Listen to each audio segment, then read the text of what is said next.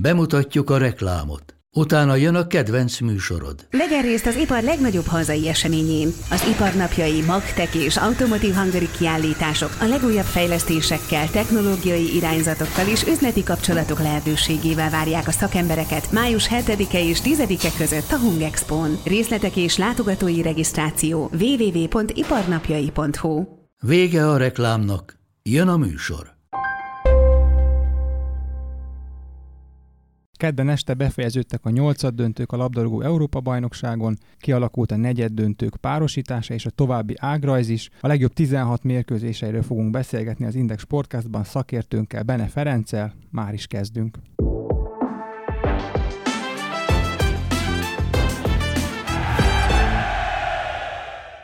Irko Miklós vagyok, ez az Index Sportcast Európa-bajnokság 8 döntőjét kibeszélő adása. Mai vendégünk, ahogy már megszokhatták, a kontinens torna alatt Bene Ferenc labdarúgó szakedző. Szervusz, köszöntelek. Szervusz, tiszteltek, köszöntöm a hallgatókat.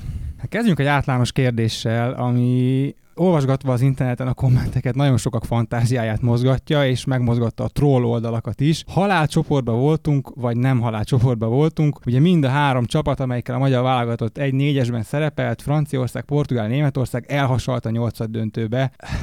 Ez tényleg halálcsoport volt, vagy lefárasztottunk mindenkit? Hát halálcsoport, mert meghalt mindenki utána a 16-ba sajnos. Azt kell mondani, hogy nyilván ez nem értékteleníti el a magyar válogatott hozzáállását, meg, meg sikerét, tehát abszolút mértékben mindenkinek maradjon meg egy, egy hatalmas élményként ez, ez az Európa-bajnokság, és továbbra is állítom, hogy van jövője ennek a, a kis csapatunknak. Azt viszont érdemes lenne mélyebben elemezni, hogy gyakorlatilag három végső győzelemre is esélyes válogatott miért esett ki, és azt mondom, hogy Hát viszonylag, nem, nem mondom, hogy simán, de azért egyik sem úgy esett ki, hogy nagyon krokodilkönnyeket hullajtanánk, hiszen nem nyújtottak olyan teljesítményt a kiesési szakaszban gyakorlatilag az az egy mérkőzésen, amin a legjobban kellett volna teljesíteniük. Hát akkor tér a színpad, nézzük meg akkor, hogy nézzük meg közelebbről ezt a három csapatot. Ugye Franciaország világbajnoki címvédőként érkezett, Portugália az Európa-bajnokság címvédőjeként érkezett, ugye Németország pedig a kettővel ezelőtti, a 2014-es világbajnokságot nyerte meg. Ugye, ahogy te is említetted, mindhármat a végső esélyesek között említették. Nézzük meg akkor közelebbről, hogy mi okozhatta a kiesést. Igen, hogyha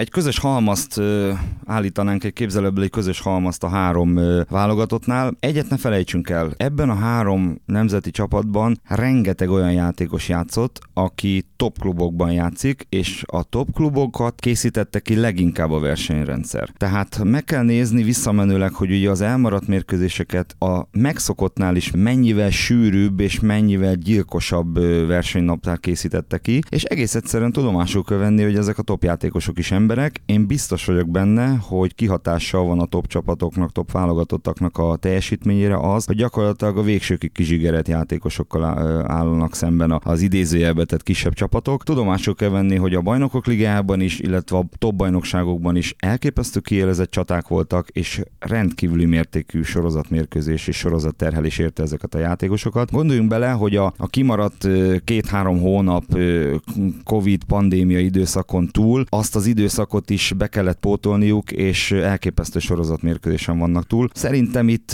itt a, a sztárok többsége abszolút kiégett, és, és nem, nem optimális állapotba érkezett az Európa bajnokságra. Akkor még egy általános kérdésnél, mielőtt belemegyünk a 8 darab 8 döntőnek a kicsit ö, mélyebb elemzésébe. Jót tette az Európa bajnokságnak az, hogy 24 csapatra bővítették. Ugye nagyon sok olyan hangot lehetett hallani még a kontinens torna előtt, illetve hát még a döntés bejelentése után, hogy így így ezáltal olyan csapatok is bekerülnek, akik egyébként nem feltétlenül ütik meg azt a szintet, azt a nívót, és nem tudnak olyan színvonalas mérkőzést játszani. Na viszont most ugye azt látjuk, hogy kisebb csapatok, lásd Svájc, lásd Csehország, Dánia, stb. stb.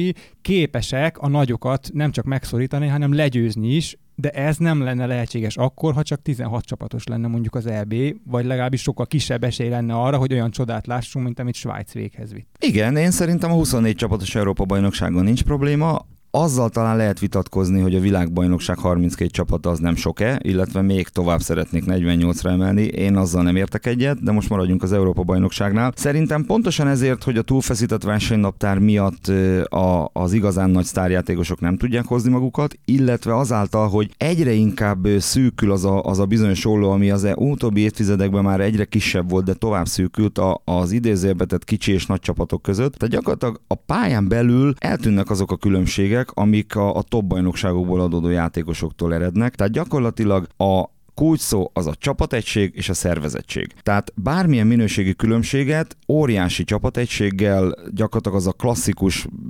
lírai vagy romantikusan fogalmazva azzal a forró szívvel és a hideg fejjel lehet kompenzálni. Lehet látni, hogy elképesztő szervezettséget mutatnak a, a, a esélytelennek vélt csapatok, és hihetetlen odaadással és hihetetlen lelki erővel rendelkeznek. Gondolok én olyanra, hogy egyik társuk hibázik, kettő javítja ki, egyik megsérül, a, a tartalékjátékos kettőzött erővel jön be, és lehet látni az egész, a, már gyakorlatilag a, a himnusz éneklésétől kezdve a gólörömökön át, hogy elképesztő egységben vannak ezek a csapatok, és a mai labdarúgásnak, mivel már mindenki megtanulta a futball alapjait, két dolog lehet, vagy a sztárok jelentik a, a nüansznyi különbséget, és egy-egy sztár eldönti a mérkőzést, vagy lehet kompenzálni iszonyatos csapatmunkával és, és fantasztikus csapategységgel ezeket a különbségeket. Talán ez a, az általánosságban legnagyobb tanulság az Európa bajnokságnak. Ugye van még egy dolog, amiről szinte soha senki nem beszél, de ugye futball közegben azért ez egy ismert ismert téma, és azért hallani lehet erről történeteket, de a nyilvánosság elég kevesen állnak ki ezzel, hogy egy-egy ilyen nagy világesemény, vagy, vagy akár egy nemzetek ligája, tehát válogatott mérkőzésre gondolok, sokszor teher a topligában játszó futbalistának, aki ugye a bajnokság mellett kupába és nemzetközi sorozatban is szerepel, lejátszik adott esetben a klubjába 60-70 meccset egy szezonba, és plusz el kell jönnie egy ilyen nagy tornára pihenés nélkül, de mondom, nem feltétlenül egy elbét vagy egy VB-t vegyünk alapul, hanem akár mondjuk egy nemzetek ligáját. Na most ugye ebben ott van a kettőség, hogy a saját hazárat, az országodat képviselni címeres mezben, az lényegében a pályafutás csúcsa, és az, az mindenkinek egy eszmei értékkel bír, viszont Viszont ugye a pénzt a klubtól kapja a legtöbb játékos, a megélhetését ez biztosítja számára, és ez sokszor egy fölös teherként élik meg. Te hol látod ebbe a határvonalat? Mert azért ez egy nagyon szűk mesdje, és erről nagyon nehéz úgy beszélni, hogy kinek melyik oldal az igaz, hiszen erről nem nagyon hallunk nyilatkozni semmilyen se sztárjátékos, se kevésbé ismert futbalistát, hiszen a hazája válogatottja mindenkinek szent. Egyetértek, én, én soha nem szeretem azt, amikor egy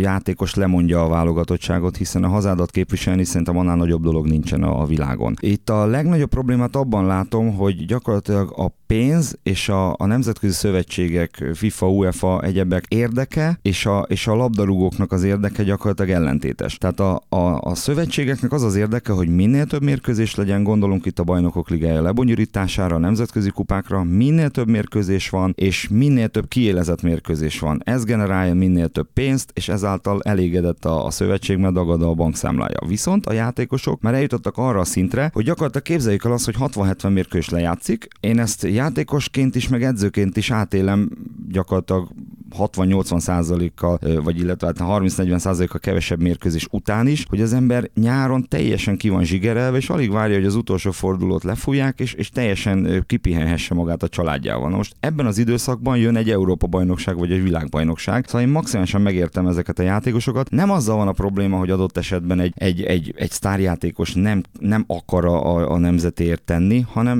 egész egyszerűen kiürülnek a raktáraik, és nem is arra gondolok, hogy most izomzatilag nem bírja, mert hála Istennek olyan nagyon komoly sérülések nincsenek, viszont egyszerűen a központi idegrendszer nem bírja. Tehát én, én biztos vagyok benne, hogy, hogy nézzünk egy ilyen Bappét, Bappé szintű játékost, szerintem ők egész egyszerűen fejbe elfáradtak. És nem véletlen, hogy, hogy ezek a igazán nagy sztárjátékosok nem hozzák magukat, viszont egyre inkább a közepes sztárokból világsztárok lesznek. Látjuk az ebén, hogy sok olyan játékos viszont brillírozik, meg sok olyan csapat, akitől nem vártuk volna. Például Csehország vagy Svédország, amelyik ugyan kiesett, de remekül futballozott. Menjünk végig akkor a, a nyolcad döntőkön, és nézzük meg mindegyiket egy kicsit közelebbről. Belgium-Portugáliával kezdjünk. Ugye egy núra nyertek a belgák Torgán Azár, hát fantasztikus góljával. Itt a legfőbb kérdés a belgáknál az, hogy eljött-e az ideje végre ennek az aranygenerációnak, ami már több mint ezer napja vezeti a világranglistát, de még nem nyert egyetlen egy trófeát sem. Belga válogatott kezdő csapat a Portugália ellen 30 éves és 148 napos átlagéletkorú volt, ami a legidősebb a tornán bemaradó együttesek között. Na most ez az aranygeneráció a 2016-os Európa-bajnokságon ugye Wales ellen esett ki a negyed döntőben, a 18-as oroszországi VB-n pedig a későbbi győztes franciák ellen az elődöntőben. Viszont mindenki azt mondja, hogy ez a legjobb esélye ennek az aranygenerációnak, hogy nyerjen egy trófeát. Te az idő? Igen, gyakorlatilag két, két dolog jut eszembe rögtön. Az egyik, hogy a, a futballban egyre inkább kitolódik az az ideális életkor, ami mondjuk 30-40 évvel ezelőtt azt mondták, hogy 26 évesen van csúcson valaki, 15-20 évvel ezelőtt a 28 éves kort ö, lőtték be erre. Most egyre inkább úgy néz ki, hogy a 29-30 éves korra éri el a játékos a, a topot, tehát azt a csúcs kategóriát, amikor izomzatilag, meg genetikailag, meg, meg fizikálisan még rendben van, viszont ugyanakkor olyan rutinnal és olyan tapasztalattal rendelkezik, ami, ami átsegíti olyan dolgokon, akkor, amit mondjuk 20 éves korában nem. Tehát én azt mondom, hogy egyrészt ideális a, a, a belgáknak a, a jelent nézve az átlag életkoruk, ugyanakkor ezek a játékosok felfoghatják úgy is, hogy talán az utolsó, esetleg a VB-n lehet az utolsó esélyük, hogy ez a generáció valamit nyerjen. Viszont azt nem szabad elfelejteni, hogy most, most tényleg ilyen közel rég jártak, mert igaz, hogy azért ne felejtsük el, hogy egy nagyon komoly erőpróbájuk lesz az olaszokkal szembeni mérkőzés. Ott azért, azért sok mindenre választ kaphatunk, ugye olasz szempontból is, mert az olaszokkal kapcsolatban én azt mondom, hogy elképesztő, ami, ami ott történik, de viszont igazán nagy rangadót még nem játszottak tétmérkőzésen, tehát erre is kíváncsi leszek. Ugyanakkor kíváncsi leszek arra, hogy a másik elem, amire ki akartam térni, hogy a, a labdarúgást nagyon érdekes, mert ha meg kell nézni az összes statisztikát, és én egy bizonyos szempontból jók a statisztikák, mert rávilágítanak bizonyos dolgokra, csak nem mindegy, mire használjuk. Na most gyakorlatilag a, a, a portugálok minden statisztika jelenben jobbak voltak a belgáknál, kivéve egyben voltak jobbak, a hatékonyságban belgák. És nagyon érdekes, a francia csapat világbajnoki címe volt ilyen, minden statisztikai adatban átlagos volt a francia válogatott 2018-ban.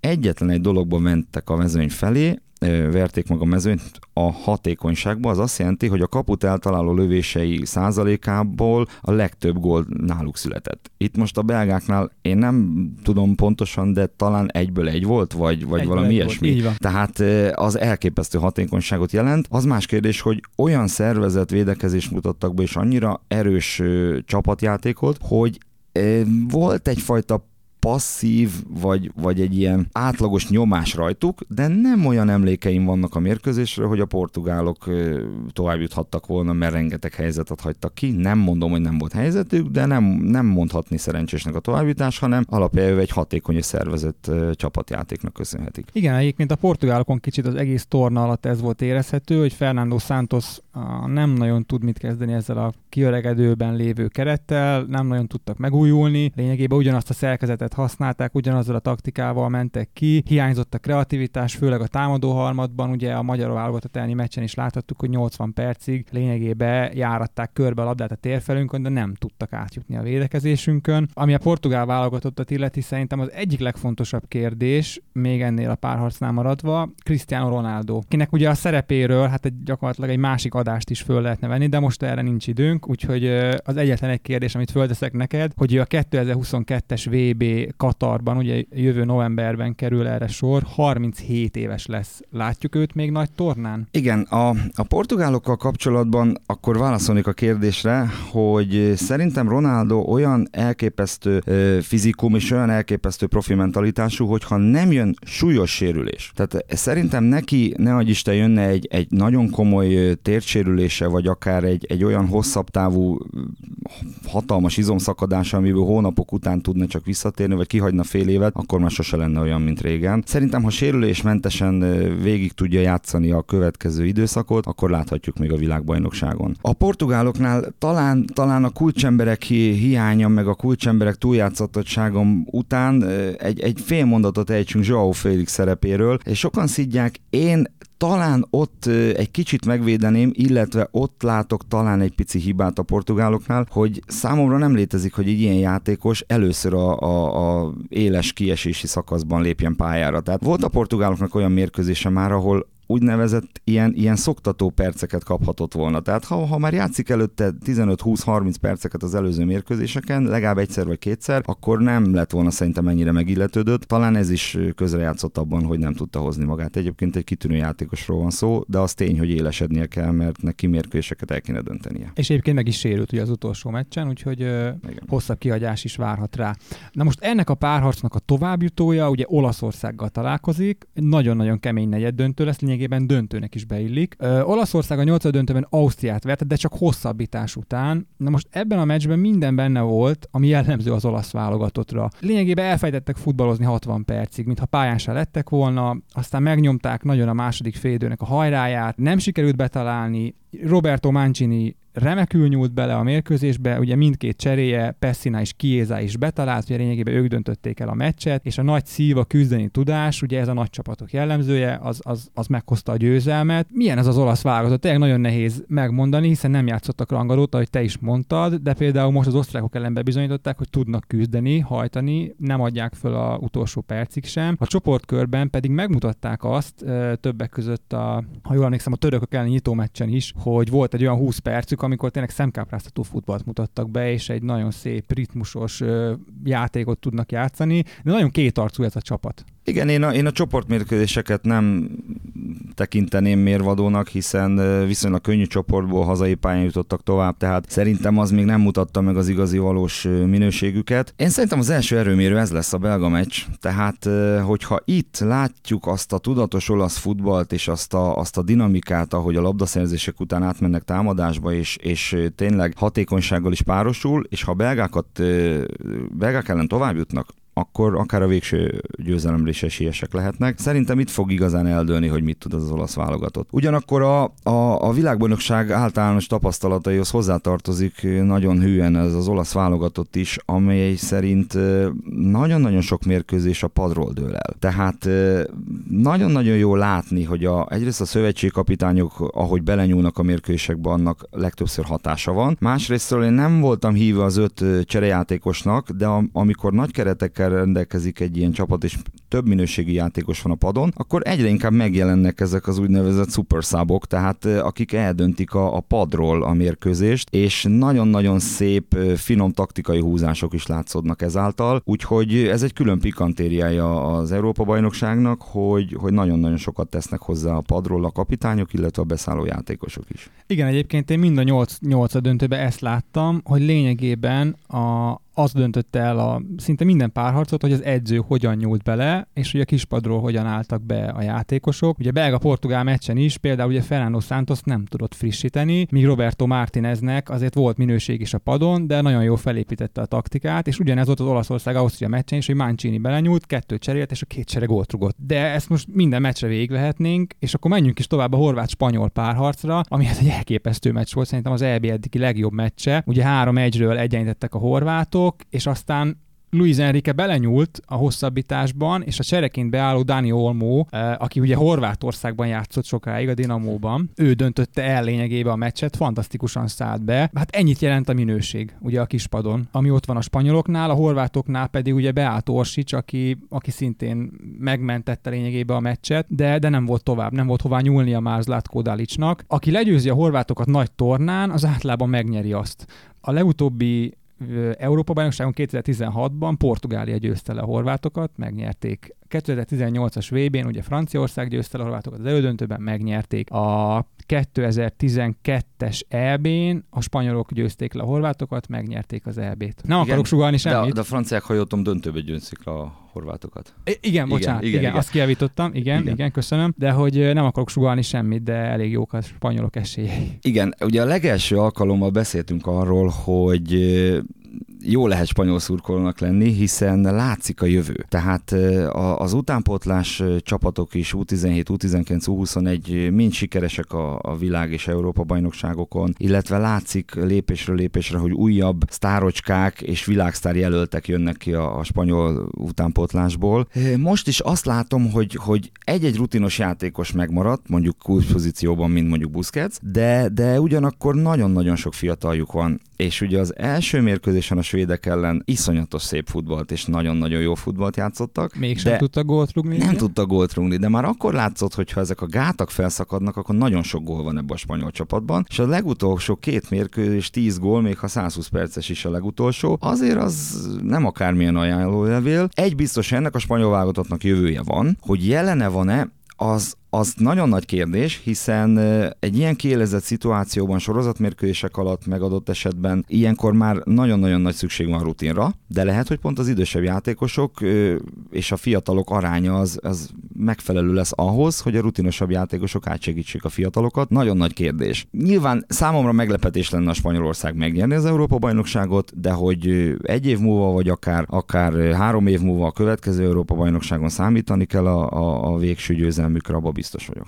Az ellenfelük a negyed döntőben az EB eddigi szerintem legnagyobb meglepetését okozó Svájc lesz, amely ugye 11-es rugásokkal hosszabbítás után ejtette ki a világbajnok Franciaországot. A franciák, javíts ki a tévedek, de szerintem az egész EB alatt szenvedtek. Ugye beszéltünk erről az előző adásban is, hogy az összhang, a csapatszellem az kulcs lesz, kulcsfontosságú lesz náluk. Karim Benzema szerepéről szintén külön beszéltünk, de akiről kevesebbet es- kevesebb szó esett, viszont szerintem most érdemes róla egy kicsit beszélnünk, az a Kylian Mbappé, aki szintén annak a, a rendszernek az áldozata, ha lehet így fogalmazni, amiről az előbb beszéltél, hogy sorozatterhelés alatt állt lényegében a Paris Saint-Germainnél az egész szezonban. Látszott rajta, hogy kicsit enervált, látszott rajta, hogy nem jó döntéseket hoz. Ugye nem is szerzett gólt az EB-n, azért ezt tőle nagyon nem megszokott, hogy lejátszik úgy négy meccset egymás után, hogy nem szerez gólt, és uh, ugye a Svájc elleni nyolcad döntőn ő volt az egyetlen, aki kiadta a 11-est, és ez a továbbjutást ért Svájcnak. Itt a kérdésem az, hogy ez Didier Deschampsnak mekkora a felelőssége, hogy ennek ellenére odállítja Mbappét, és ráadásul az utolsó 11-eshez, és mennyire uh, szokatlan vagy megszokott az, hogy egy 11-es párbajban ugye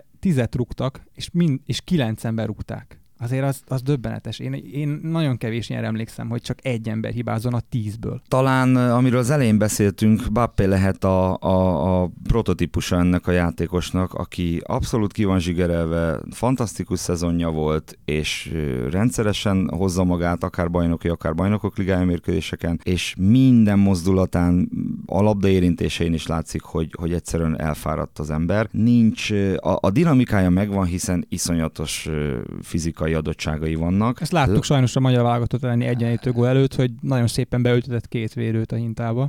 Igen, meg sebessége is megvan természetesen, fiatalember terhelhető, de, de számomra a legárulkodó pillanat az volt, amikor nagyon-nagyon komoly gólhelyzetbe került. Ha jól emlékszem, Pogba ütötte be a, a két védők közé a labdát a bal összekötő helyén, és a, amiben a legjobb Bappe ilyenkor, hogy csípőből kifordulva jobb belsővel a bal összekötő helyről tekeri a hosszút, és nem azt választotta, hanem beengedte a bal lábára a labdát, ezáltal egy rosszabb szögbe is keveredett, és gyakorlatilag lepörgött a külsőre a labda, és egy, egy kifejezetten ügyetlennek tűnő mozdulattal elrontotta a gólhelyzetet. Egy, egy mentálisan friss és top állapotban lévő Bappé ezt jobb belsővel becsavarja hosszúba, és nem kérdés, hogy gól. Az egész ebén szenvedett. Én talán abban láttam volna a megoldást, azért egy ilyen Koman típusú játékos le, ki lehetne váltani. Talán ha kapott volna volna egy mérkőzést, amivel talán tud pihenni, vagy, vagy, vagy kevesebb játékpercet kap, lehet, hogy hasznosabb lett volna az ő játéka. Mondom, én sajnálom, mert, mert teljesen formán kívül volt, és, és látszik rajta a fáradtság, és szenvedett az egész Európa-bajnokságon. Tényleg megint azt tudom mondani, hogy, hogy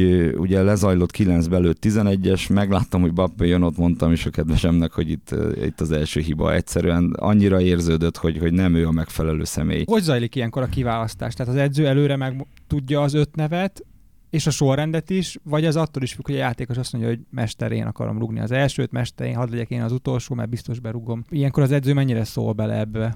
Mind a kettő igazából van, minden csapat azért ezen a szinten már, amikor tudjuk előre, hogy kiesése szakaszon készülnek erre. Tehát mindig, megvan az, a, az az 5-6 olyan rugója egy csapatnak, amelyik, amelyik alkalmas erre. Természetesen ez módosulhat, mert épp az adott mérkős lefolyása pillanatban az egyik nincs a pályán, akkor ez módosul. Illetve, ahogy említetted, mind a kettőben igazad van, az is nagyon nagy mértékben befolyásolhatja, ki az, aki elég karakán és elég karakter, hogy elvállalja. Tehát jöhet apró sérülés, jöhet olyan sajnos, hogy, hogy, hogy idézőt be majd rézik a játékos és nem meri elvállalni. Tehát nagyon sok tény tényező lehet. Én azt mondom, hogy azokkal kell rugatni, akik magabiztosak és vállalják, de természetesen van egyfajta rugótechnika, vagy egyfajta személyiség is, egy lelki állapot, ami azért segít egy jó büntető végrehajtó típushoz. Az, az nem baj, hogy egy Bappé rúg 11-est, szerintem. Az, az a baj, hogy egy ilyen állapotban lévő Bappé rúgott. De ezt nem lehet tudni, tehát ez, ez, ez lehet, hogy, hogy épp más nem vállalta, lehet, hogy ő, ő nagyon akart rúgni. Tehát ez mind a kettő igaz, meg kell, hogy legyen a kijelöltek, de szerintem abban a 6-8 legjobb rugóba Bappé benne van. Tehát adott esetben talán az lehetett hiba, hogy az ilyen állapotban lévő Bappé rugott, de az semmiképpen sem, hogy egy top állapotban lévő Bappéval 11-es rugatnak azt nem lehet a kapitány hibájának tekinteni. Nézzük a másik ágat, hiszen lassan kifutunk az időből. Csehország, Hollandia talán a nyolcad döntők második legnagyobb meglepetése az, hogy a Puskás arénában nem Hollandia vonulhatott le győztesként a pályáról, hanem Csehország 2-0-ás győzelmet aratott. Ugye Matej Deliktet kiállították egy kezezésért, ugye elsőre Karászjov játékvezető csak sárga lapot adott, és a VAR való visszanézés után módosította ezt piros lapra. Azért a hollandoknak voltak helyzetei, két nagy helyzetet is elszórakoztak, és uh, ugye a szokásos panel szöveg ilyenkor, hogy a meg, kihagyott helyzetek megbosszulják magukat, de ezt most a hollandok a saját bőrükön tapasztalták, hogy a csehek a kiállítás után egyszerűen föléjük nőttek, és, és, és úgymond bedarálták őket. Téged mennyire lepett meg ez a holland összeomlás? Azért uh, sokan nem erre számítottak, és a másik dolog, ami itt fontos még szerintem, hogy megint a szövetségi kapitány felelőssége. Hogy Döbor nem tudott bele nyúlni ebbe a meccsbe, és ugye azóta már tudjuk, hogy szakított is vele a holland szövetség. Igen, na most a kapitány kérdést azt, azt most nem lehet tudni, hogy melyik generálta melyiket, de én nekem az nagyon nem tetszett, hogy még el se kezdődött az Európa-bajnokság, gyakorlatilag a holland sajtó és a nemzetközi sajtó is folyamatosan arról beszélt, és arról cikkezett, hogy vajon alkalmas a kapitány a feladatára. Most így neki menni egy Európa-bajnokságnak, hogy még mérkőzés se zajlott le, vagy adott esetben már győztes mérkőzésen is kritizálták, hogy, hogy nem elég magabiztosan nyert a holland válogatott, több góllal kellett volna nyernie, tehát már a győzelem se volt elég. Na most, ha folyamatosan kívülről vagy fogalmazhatunk úgy, hogy belülről állandóan gyengítik a kapitányt, az átragad a játékosokra is. És én pont ezt láttam, hogy, hogy nem volt elég erős a kapitány, nem volt elég ö, támogatása, gyakorlatilag kívülről, vagy fogalmazunk úgy, ha a holland sajtót veszik, akkor belülről is támadták. Ugyanakkor, ö, amiről a leges legelején beszéltünk, hogy a csapategység mennyire számított, na most ebben a holland válogatottban abszolút nem láttam azt az egységet, hogy kiállnának egymásért, abszolút nem láttam, hogy a pályán kisegítenék egymást. Szóval, ö,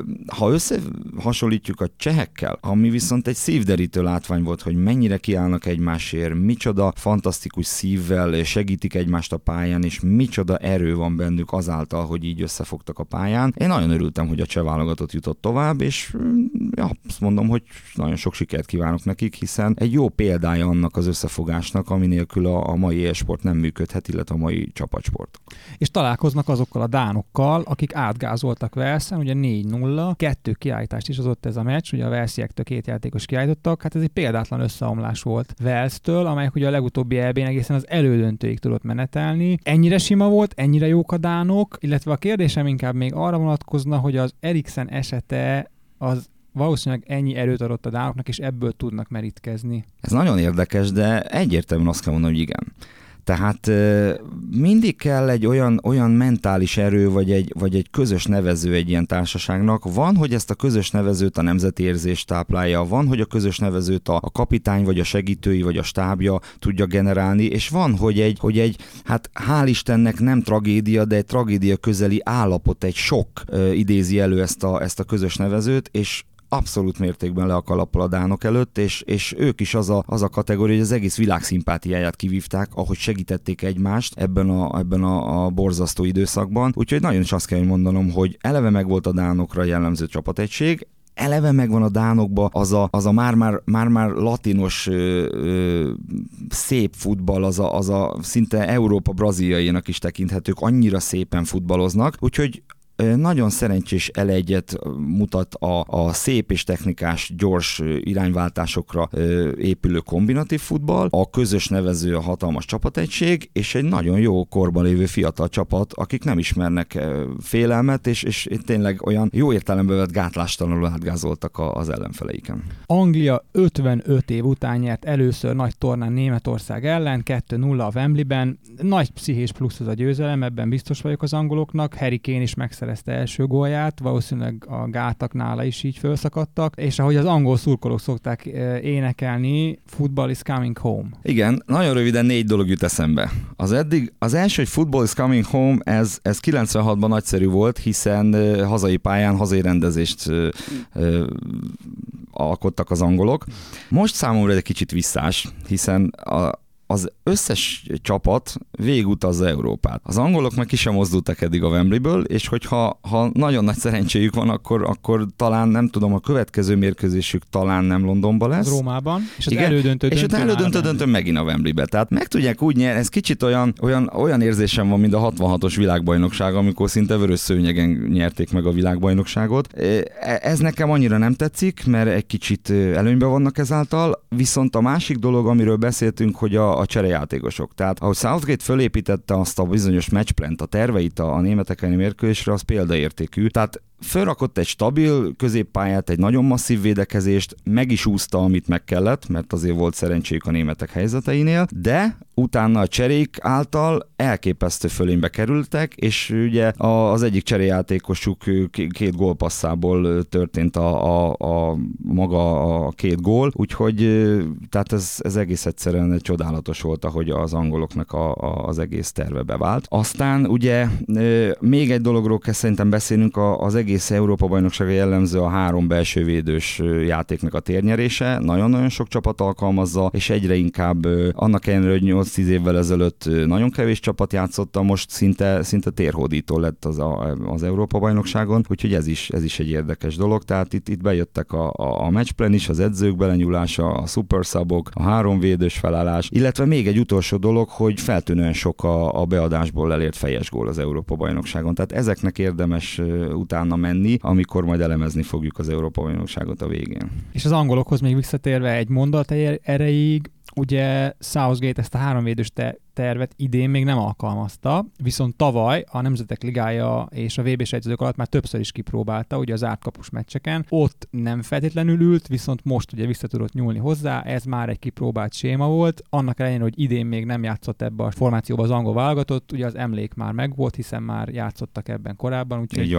ezt nagyon jól felépítette Southgate, és hát az utolsó nyolcad döntő, végül, de nem utolsó sorban, Svédország-Ukrajna. Én úgy láttam, hogy ez egy alacsony színvonalú mérkőzés volt, viszont szép gólok születtek. És Ukrajna végül hosszabbítás után megnyerte kettő egyre ezt a mérkőzést, de az utolsó 30 percben a hosszabbításban lényegében már csak az nem fetrengett, aki nem a kispadon ült a pályán. Tehát uh, itt, itt szerintem nagyon elfogytak az ukránok ezen a meccsen, és, és ez az angolok kezére játszik. Abszolút mértékben nem nagyon tudom elképzelni, hogy az angolok ne verjék el a következő fordulóba az ukránokat, akik viszont, akik előtt le a kalappal, szintén csapategység, jól megtervezett, szokásos ukrán kontrajáték, és egy kicsi szerencse is azért eljutottak a nyolc közé, tehát le a kalappal. Itt most megint azt tudom mondani, egyrészt az nem tetszett, hogy nagyon sok volt a fetrengés, tehát a, a sajnálatos kiállításnál történt esete esetben ott, ott, ott, ott biztos, hogy egy súlyos sérülés történt, de a többi esetben mind pályán maradt a játékos, nem volt semmi problémája, tehát ez a része nem nagyon tetszett. Ugyanakkor megint bebizonyosodott, hogy a, a beadások egyre veszélyesebbek, és egy kicsit én ezt összekapcsolom a VAR jelenlétével. Összehasonlítva a, a 20-30 évvel ezelőtti játékot, vagy akár az 5-10 évvel ezelőtt is, sokkal kevesebbet engednek meg a védők, valljuk meg őszintén, kevesebb a lökés, kevesebb a testkontakt, ezáltal mivel félnek a 11-estől, ezáltal a támadóknak több terle jut, és és jobbak a lehetőségeik, úgyhogy talán a, a varnak a pozitív hatásai közé említhetjük ezt is, hogy több gól van a 16-oson belül beadás fejesnél. Mi is emleges szurkolók biztos, hogy nyerünk a támadó futball térnyerésével. Ez volt már az Index Sportcast, benne Ferenc labdarúgó szakedzőnek köszönöm, hogy elfogadta ismét a meghívást. Én is köszönöm, hogy itt lehettem. Hallgatóinknak köszönjük a figyelmet, az iTunes-on és a Spotify-on is elérhetőek vagyunk, hallgassatok minket. Legközelebb egy külön kiadással jelentkezünk, tartsatok velünk akkor is, sziasztok!